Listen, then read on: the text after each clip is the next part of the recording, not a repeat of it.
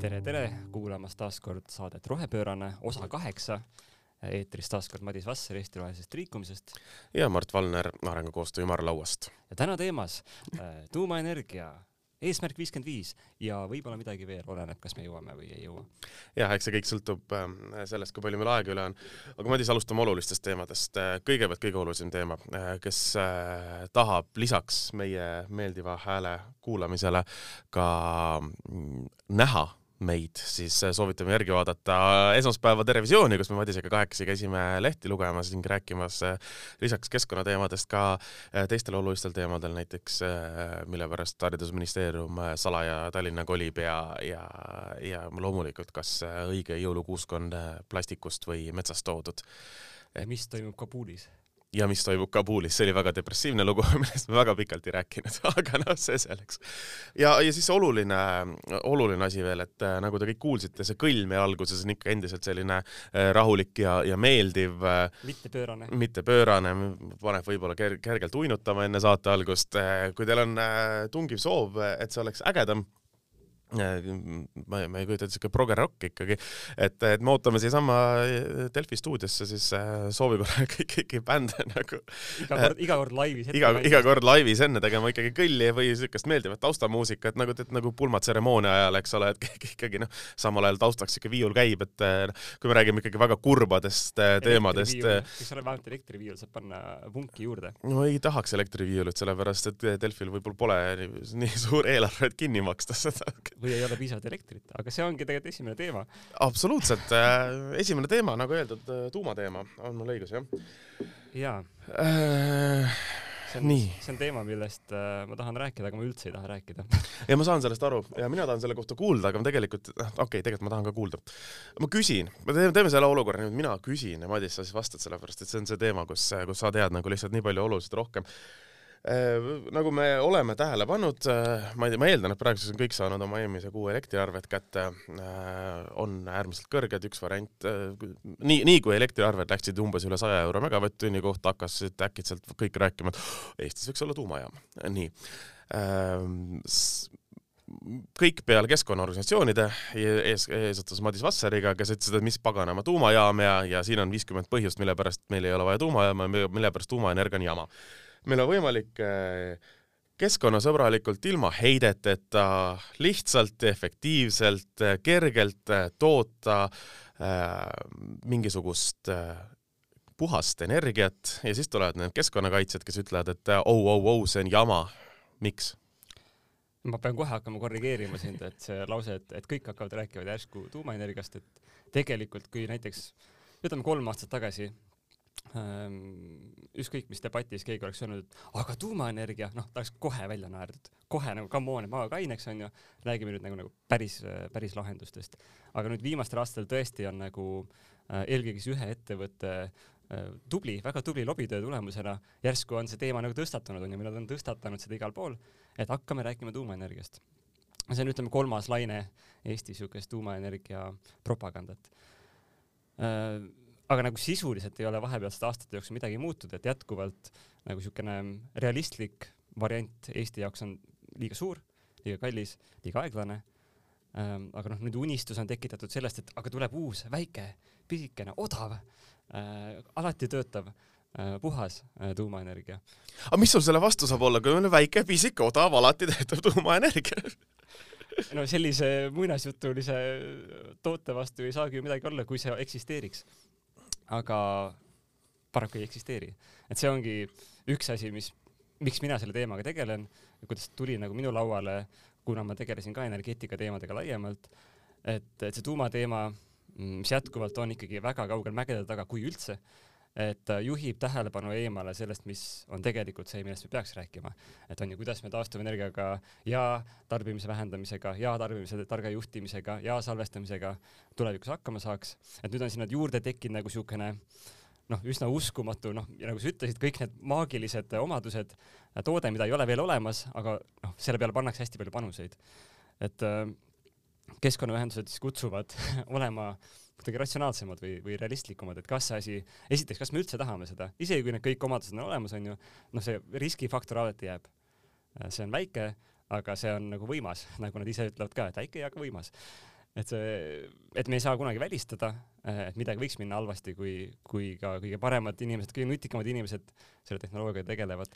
No, Eesti on nii väike, et seda see... ei saa kunagi välistada, aga samal ajal olgem nüüd realistid, eks ole, tuumajaama noh, niisugust Fukushimat aga Eestis suure tõenäosusega ei juhtu, suure tõenäosusega kindlasti ei juhtu, sest et nad kõik tuumaenergia õnnetused on olnud hästi unikaalsed. saavad juhtuda ainult ühe korra ja siis sellest õpitakse, onju. aga juhtub midagi muud. jah, sest et me ei tee tuumajaama ka kakskümmend meetrit äh, merepiirist, äh, kuigi võib-olla uued seadused seda varsti lubavad, eks ole. et äh, suure tõenäosusega jääb see kaugemale siiski. ja, ja, ja, ja selles suhtes ka see päris ju niisugune, kes on Simsonite introt näinud, et seal on kolme peaga kalakesed tuumajaama taga on, ma ei, ma ei tea, kui nagu reaalne, reaalne see olukord ka on, et, et päris ka inim, inimlinna lähedale seda nii, niimoodi ehitata, kuigi üks parimaid Delfi visuaale, mida ma näinud olen ühel rohepöörase saatel, kuidas ikkagi äh, teoreetiliselt Vabaduse väljakul võiks see tuumajaam olla. ka seda suure tõenäosusega ei juhtu, eks ole. ma arvan, et ja miks see teema praegu jälle meie saates ka üles tuli, oli põhjusel, et sellel nädalal, kus me siin eetris oleme, oli ERR-is siuke saade nagu UV Faktor, kus mhm. Urmas Vaino äh, grillis siis äh, tuumaenergia pooldajaid ja vastaseid äh,. ja minu arust oli väga hea saade ja minu jaoks jäi kõlama sealt see ja ma loodan, et ka paljude vaatajate jaoks, et et seda tehnoloogiat täna ei ole, isegi kui ta oleks, siis ta teeks elektri hinna, nagu sa alguses lootsid, väga odavaks, tegelikult ta teeb kallimaks, sest see tehnoloogia on nii keeruline, äh, et sa, sa ei pääse sellest mööda ja, ja maailma praktika seda ka näitab. Ja see oli väga huvitav, saates oli siis üks äh, endine Eleringi töötaja, kes seda nagu noh, väga missioonikindlalt nagu noh, tagus seda rauda, et see elektri hind läheb mitmekordseks, et see on kõige kallim lahendus üldse, mis on Eesti jaoks võimalik, et ära katta need paar kuud, kus meil nagu võib-olla tuule ja päiksega ei tule välja.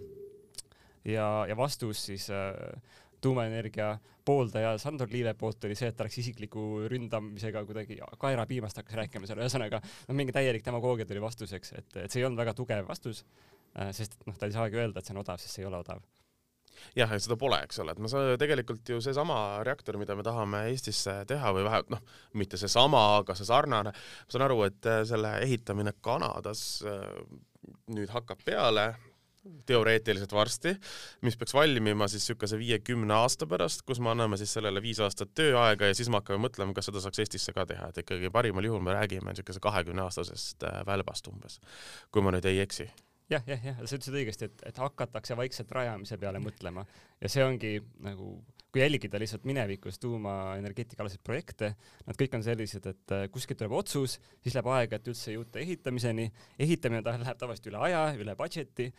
Äh, ja kui ta saadakse siis lõpuks valmis, siis on see küsimus, et kas ta siis nagu edukalt ka jooksutab ennast äh, pikalt ja, ja kenasti. ja ma arvan, et seda kõike me Kanada puhul näeme et kas ta üldse läbib kõik need sammud ja alles siis tõesti võib hakata edasi mõtlema. ja no mina olen skeptiline, et ta, et ta mm -hmm. kõik need sammud läbib.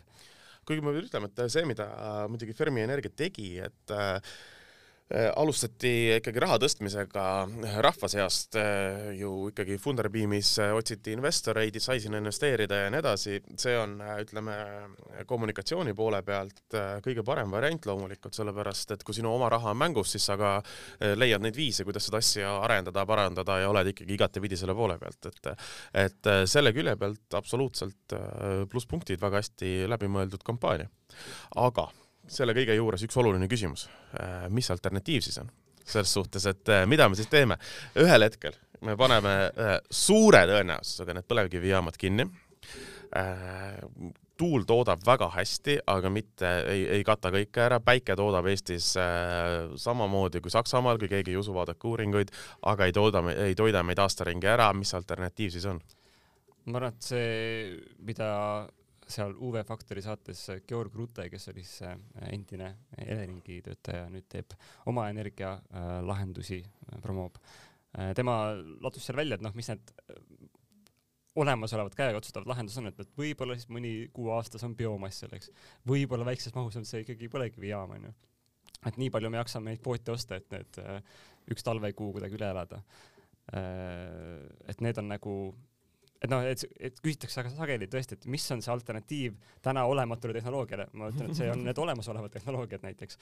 nojah, aga olemasolevast tehnoloogiast me tahame praegu edasi liikuda, selles on ju, noh, see ei saa olla, et meil on tuumajaam, kuna noh, et seda ei ole, see on mingi utoopia, eks ole, et ühesõnaga ärme üldse selle peale mõtle, äh, mida ma pean siiski, kui ma mäletan, kui suvel oli äh, keskkonnakomisjonis arutelu tuumaenergia üle, siis pärast seda rääkides keskkonnakomisjoni esimehega, kes, kes ütles, et ühelt poolt olid meil tuumaenergia inimesed, kes ütlesid, et võiks selle teema üle arutada ja teiselt poolt oli Madis Vasser, kes ütles, et ärme üldse mõtle selle peale. et noh, ses suhtes samas me midagi peame nagu mõtlema selle peale, et mingisuguste alternatiivide peale me peame mõtlema ja praegu me tahame ikkagi siit edasi liikuda. just, just, aga see ongi äh see räägib palju nagu fundamentaalsemast küsimusest kui see, et noh, millise tehnoloogia me siis valime seal tuumajaama sees onju. et küsimus ongi põhimõtteliselt, kas Eesti riik on tuumariik või ei ole tuumariik. kui me vaatame Euroopasse, mõned riigid on nagu hästi tuuma pooldavad onju, sest nad on juba läinud selle raja peale, neil ei ole niikuinii valikut enam. ja teised äh, on ka isegi käinud selle raja peal, aga ütlevad nüüd, et me rohkem ei taha onju. et me oleme õppinud nüüd nagu teiste vigadest onju. et Saksamaa on üks suur liider, kes on põhimõtteliselt otsustanud, me tuuma ei taha, vaatame teistmoodi, Austria, Taani, Luksemburg, Portugal, Hispaania, mul on siin nimekiri lausa, et, et on võimalik öelda põhimõtteliselt sellele tehnoloogiale ei, kuna ta on lihtsalt liiga äh, potentsiaalse riskiga, eriti väikse riigi jaoks äh,. aga noh, Eesti tundub, et hetkel läheb seda teed, noh, vaatame, uurime, mõtleme, paneme aega ja raha sinna äh,.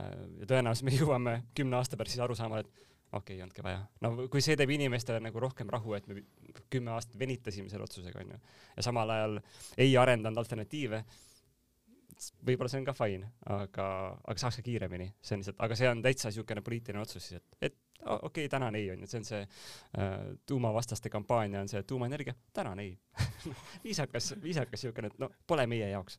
aga muidugi Eesti, Eesti inimesed peavad otsustama äh, ja Eesti riik peab otsustama, aga tundub, et kõigis suundades korraga meie hästi minna ei saa, et rahakott on ikkagi piiratud ja, ja riigil selgelt tulevad siin kulud, kui, kui minna tuumateed, et see, et kuhu pärast need jäätmed panna ja kes selle eest maksab, selle eest maksab riik mm. -hmm.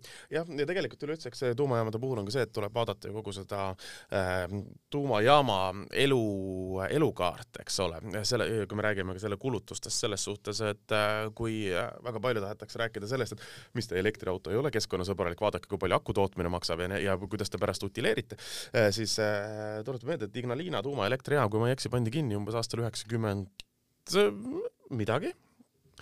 ja selle kinnipanemine käib siiamaani.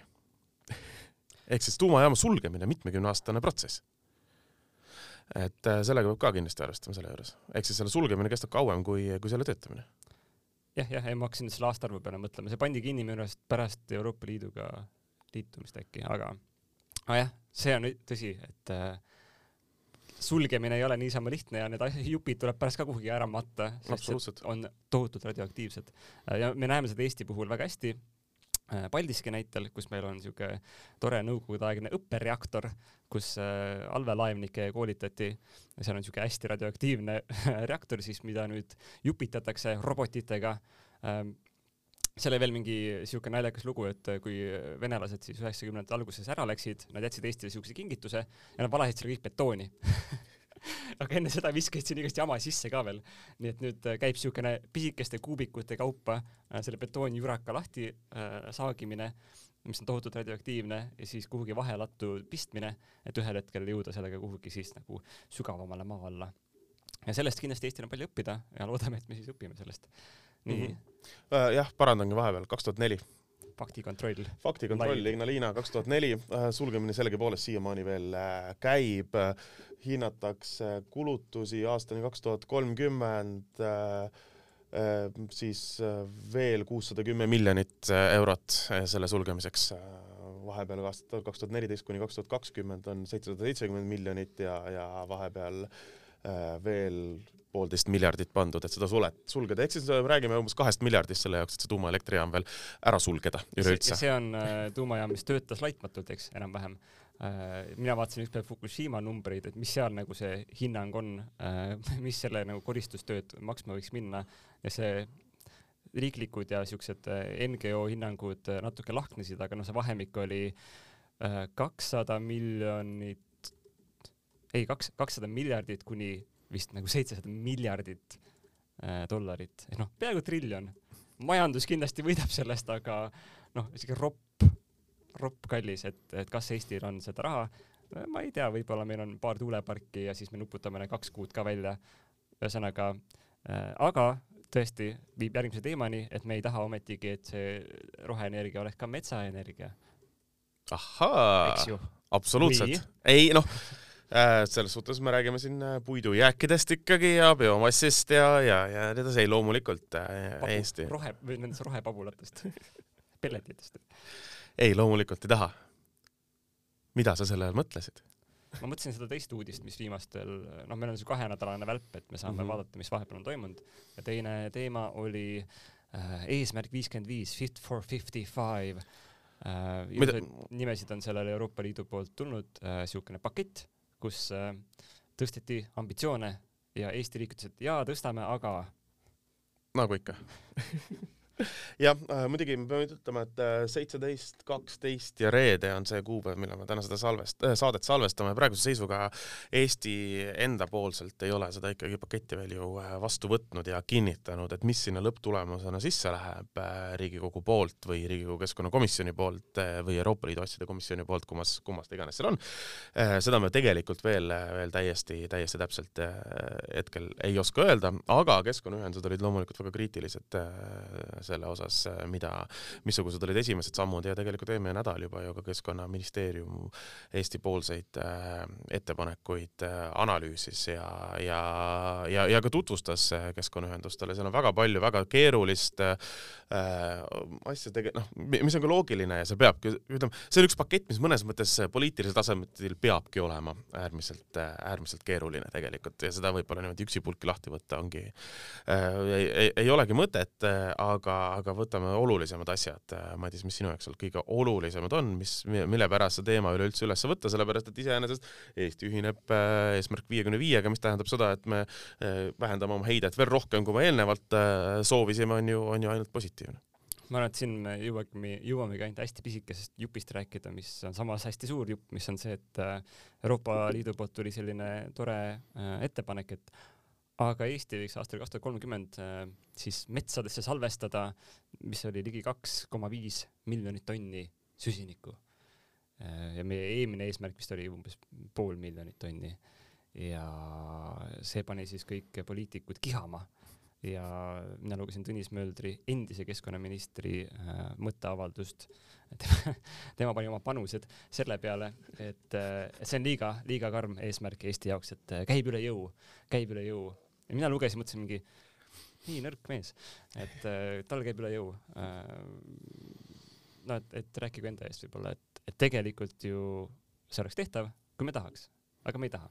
ja see ongi vist viimaste nädalate nagu küsimus olnud, et äh, kelle huvides siis on nagu mitte seda, seda kliimasammu teha? Jah, Eesti puhul on hästi lihtne selliste pakettide puhul see, et kui me räägime süsiniku heitme vähendamisest, siis väga tihti võrreldakse aastaga tuhat üheksasada üheksakümmend.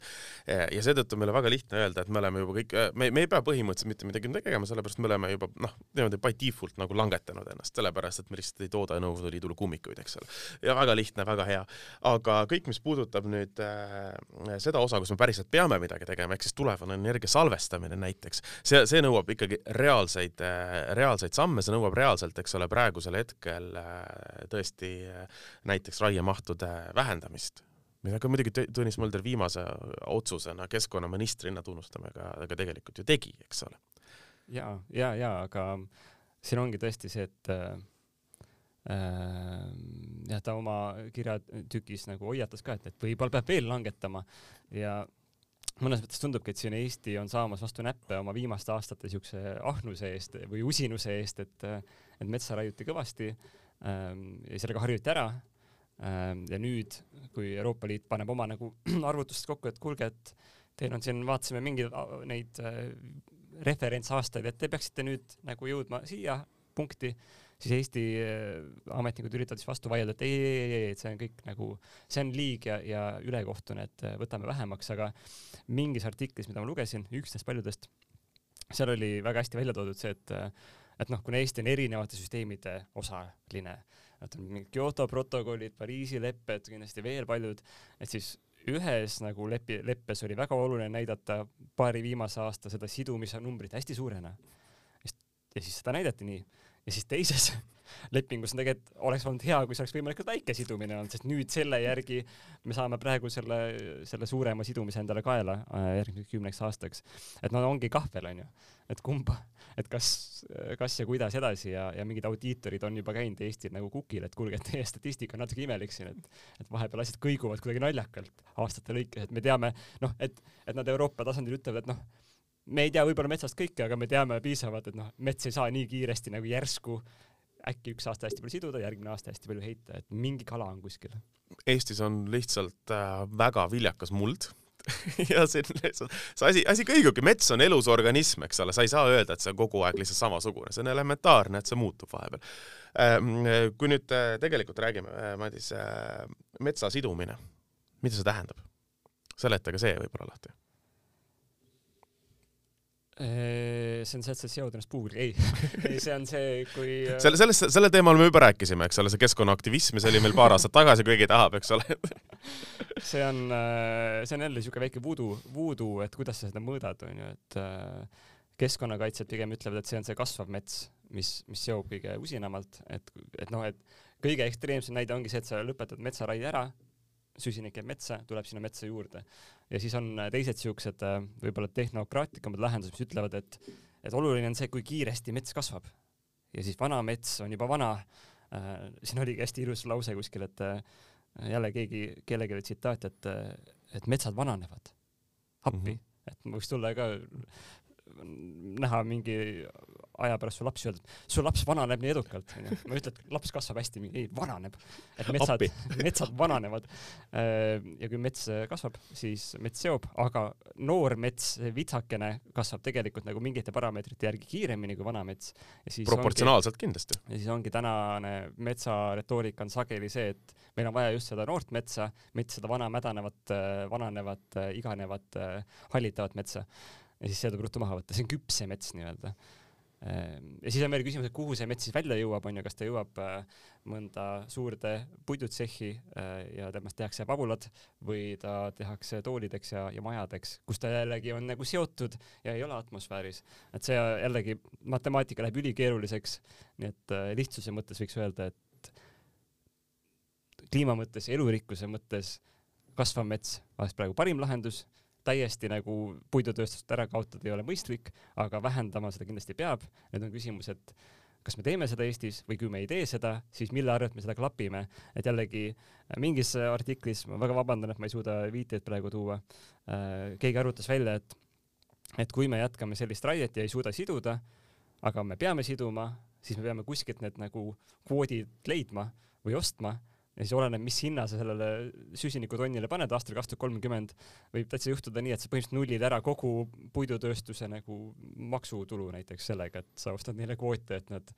äh,, ma ei tea siis, vangi ei läheks ma, ma ei tea, mis saab, kui sa ei täida oma kvoodi ees. ma eeldan, et sa maksad siis trahve, aga loomulikult see on see alatine see küsimus. meil ei ole praegu raha, et maksta, olgu, me paneme teile siis trahvi selle eest ahah, okei okay. me siis maksame topeltraha eest, mida meil ei ole. okei okay., aga ei, see on äh, loomulikult äh, puidu elukaar on ju, on ju väga pikk ja, ja seda on ju palju räägitud, et ikkagi kui puitu maha võtta ja palkmaja ehitada ja siis pärast äh, nendest palkidest veel laud ja siis, siis lõpuks ära põletada, et see on nagu iseenesest niisugune salvestuse mõttes kõige pikem ja, ja, ja mõistlikum, mõistlikum ring ringmajandus ongi selle asjanduse nimi muideks.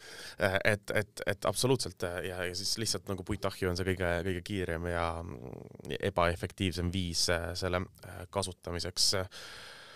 noh, see, mida, mis tulevikus need kvoodid teevad, see on nüüd omaette küsimus loomulikult, sest et ka sealsamas Fit for 55i üks osa on, eks ole, ka seesama kvoodimajanduse teataval määral muutmine, mille vastu ka eestlased või ütleme, Eesti valitsus äh, teataval määral siiski, äh, siiski on.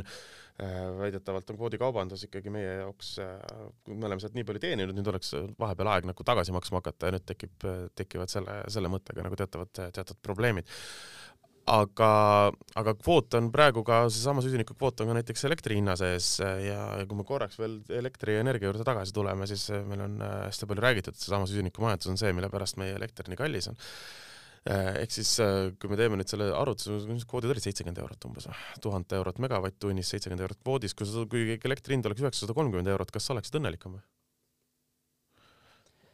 Ehm, see on kõik siukene jällegi väga keeruline teema aga mis mulle tundub, et eh, miks need hinnad on nii utoopiliseks läinud, on sellepärast, et nõudlus on väga suur ja, ja pakkumine on palju väiksem. Ja seda eriti ei muuda see, kui sa seda kvooti natukene vähendad ja eriti see kvoot ju kehtib ainult tegelikult fossiilkütustest toodetud mm -hmm. elektri kohta. et äh, ilmselt on varsti jälle ajad, kus elekter on väga-väga odav ja, ja siis me unustame jälle korraks ära, et kvoodid üldse mängivad mingit rolli ja siis läheb jälle kõrgeks, siis me jälle tegeleme sellega, et see on niisugune äh, lainetamine ja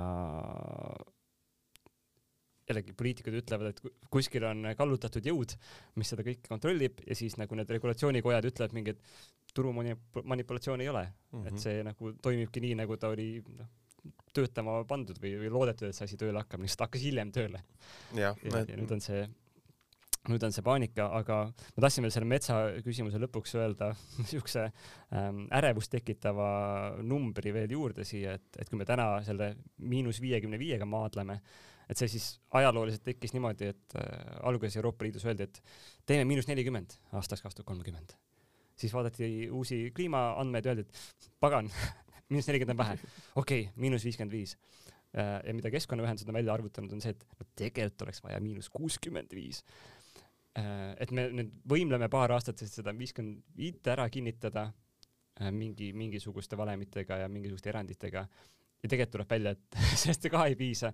ja nüüd ongi see küsimus, et kas, kas me oleme rahul sellega, et me teeme nagu siukse pool, pooliku lahenduse või, või mõtleme hoopis teistmoodi, et, et teha see nagu vajalik programm äh,. ma ei tea, ma arvan, et see poolik on samm õiges suunas, aga no et, et ei tasu nüüd arvata, et sellest on nüüd järgmiseks kümneks aastaks on rahu majas, kui me paneme siin praegu asjad paika, et see on äh, sageli äh, muutuv olukord, nii et äh, ettevõtjad ja võib-olla me jõuame rääkida paari sõnaga nendest suurtööstustest, kes Eestis on, kes meedias ütlevad, et meil on vaja selgust, meil on vaja kindlust, meil on vaja teada kümme aastat tulevikku.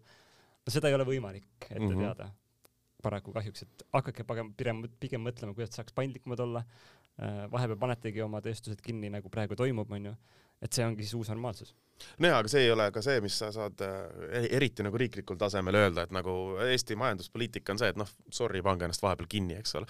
et äh, siin tuleb on kõikide riikide majanduspoliitika. no jaa, aga olgem, olgem ausad, siin tuleb nii, nii riigi kui ettevõtjate kui Euroopa Liidu tasemel ja nii edasi leidagi neid mõnusaid kompromisse. mul kogu selle jutu juures muidugi jäi see siuke klassikaline kevade lause kuhugi kuklasse, et noh, kui kõike ei jõua, tee pool, aga tee korralikult, eks ole. et, et vähemalt, vähemalt see osa et loomulikult selle kõige juures ongi see võib-olla ohukoht, et äh, me hakkamegi seda noh, et et see, et viiskümmend viis ei ole piisav, see jääb nii, noh, et see jääb nagu ühel hetkel kuhugi tahaplaanile, et hakataksegi mingisuguseid punkte närima, närima, et äh, kuidas me jõuame neid regulatsioonidega muuta niimoodi, et me jõuaksime sinna miinus viiekümne viie protsendi juurde ja äh, kes kuskil ohverdab ja nii edasi ja nii edasi, et, et see suurem plaan, ehk siis see mille pärast äh, Fit for 55 või mis iganes kliimakokkulepped ja asjad on tehtud, ei ole sellepärast, et me leiaksime viise, kuidas näidata statistikat niimoodi, et me, see Euroopa Liidule paremini sobiks kliimaprogrammid on loodud selle jaoks, et tegelikult on asi suht pekkis ja tuleks nagu paremaks teha.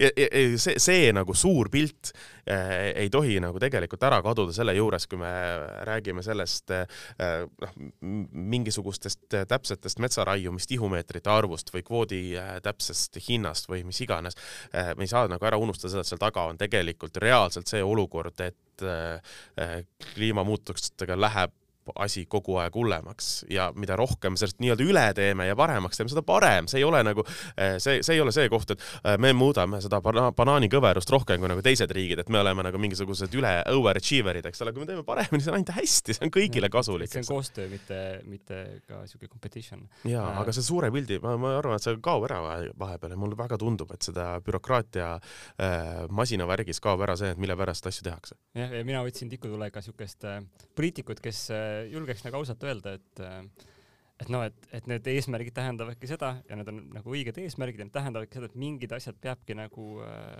oluliselt vähendama, et täna me kuuleme sageli seda, et et noh, et midagi kinni ei panda. seda kindlasti ei juhtu, aga samas mingit muud lahendust ka ei ole aga noh, kuidagi jäetakse õhku selle, et no küll me leiame, onju, me taotleme selle erandi, et, et meile mingid asjad, meile mingid asjad ei rakendu, aga. jah, aga miks jälle, miks me, miks me peame seda erandit taotlema, kui tegelikult me, me räägime jällegi, see on see, et me, me ei vaata seda suurt pilti sellisel juhul, eks ole, et mille pärast need asjad on. nojah, et Tõnis Mölder nagu oma arvamusloos, mis oli väga-väga viljakas äh,, mainis ka, et noh, et kui asjad nii lähevad, nagu praegu tundub, et lähevad, siis mingi turbasektor peaks ennast väga kokku tõmbama, onju. metsandussektor peaks oluliselt vähendama. no need ongi need asjad, mida peakski ütlema, et jah, see juhtubki. kuidas me nüüd sellega tegeleme, onju, mitte et äh, me ei, me ei ole nõus, me ei taha mm. -hmm. et siis, siis sa ei, ei tegele lahendustega, sa tegeled nagu viivitamisega, et ma ei tea, vähemalt ei lähe sinu arvele see, et äh, turbatööstus kinni pandi. ja, ja, ja küsimus ei ole selles, kas turbatööstus pannakse kinni, küsimus, küsimus on selles, mida teha inimeste ja ettevõtetega, kes on selles tööstusharus, kuidas tagada neile normaalne jätk, eks ole? Äh, see küsimus ei olegi selles, et kas see tööstus või see, mille pealt nad nüüd tulevikus hakkavad raha teenima või oma elu ära kindlustavad äh, finantsilises ja sotsiaalses mõttes, et kas see on seotud turbatööstusega või mitte, eks ole. see on kõik seotud kõigega. Jah, sest et me kõik oleme kõigega seotud. Väga siuke, jah. on see ilus, ilus punkt äh, sellele saatele ja minul läheb varsti buss seega, ega siin ei olegi muud, kui äh, tasub lugeda äh, meediat, tasub mõelda kriitiliselt. kuulata äh, rohepöörast. saata meile lugusid, laule äh,, vihjeid. jah, kõik külalised äh, on oodatud äh, oma ettepanekutega kirjutama Johannale, kõik laulud saata Johannale. kui teil on mõni hea TikTok, siis äh, saatke Johannale ehk siis äh, jah, vot selle, kas see on selle aasta viimane saade või? ma arvan, me teeme ühe erisaate ka, aga see on suur üllatus veel proovime ühe erisaate ka teha, loomulikult. äkki see võiks olla kaameratega, laivis, Facebook Live näiteks. ma ei tea, kas see on tehtav, me sellega tegeleme, me uurime Johanna käest aitäh teile! nägemist, kuulmist!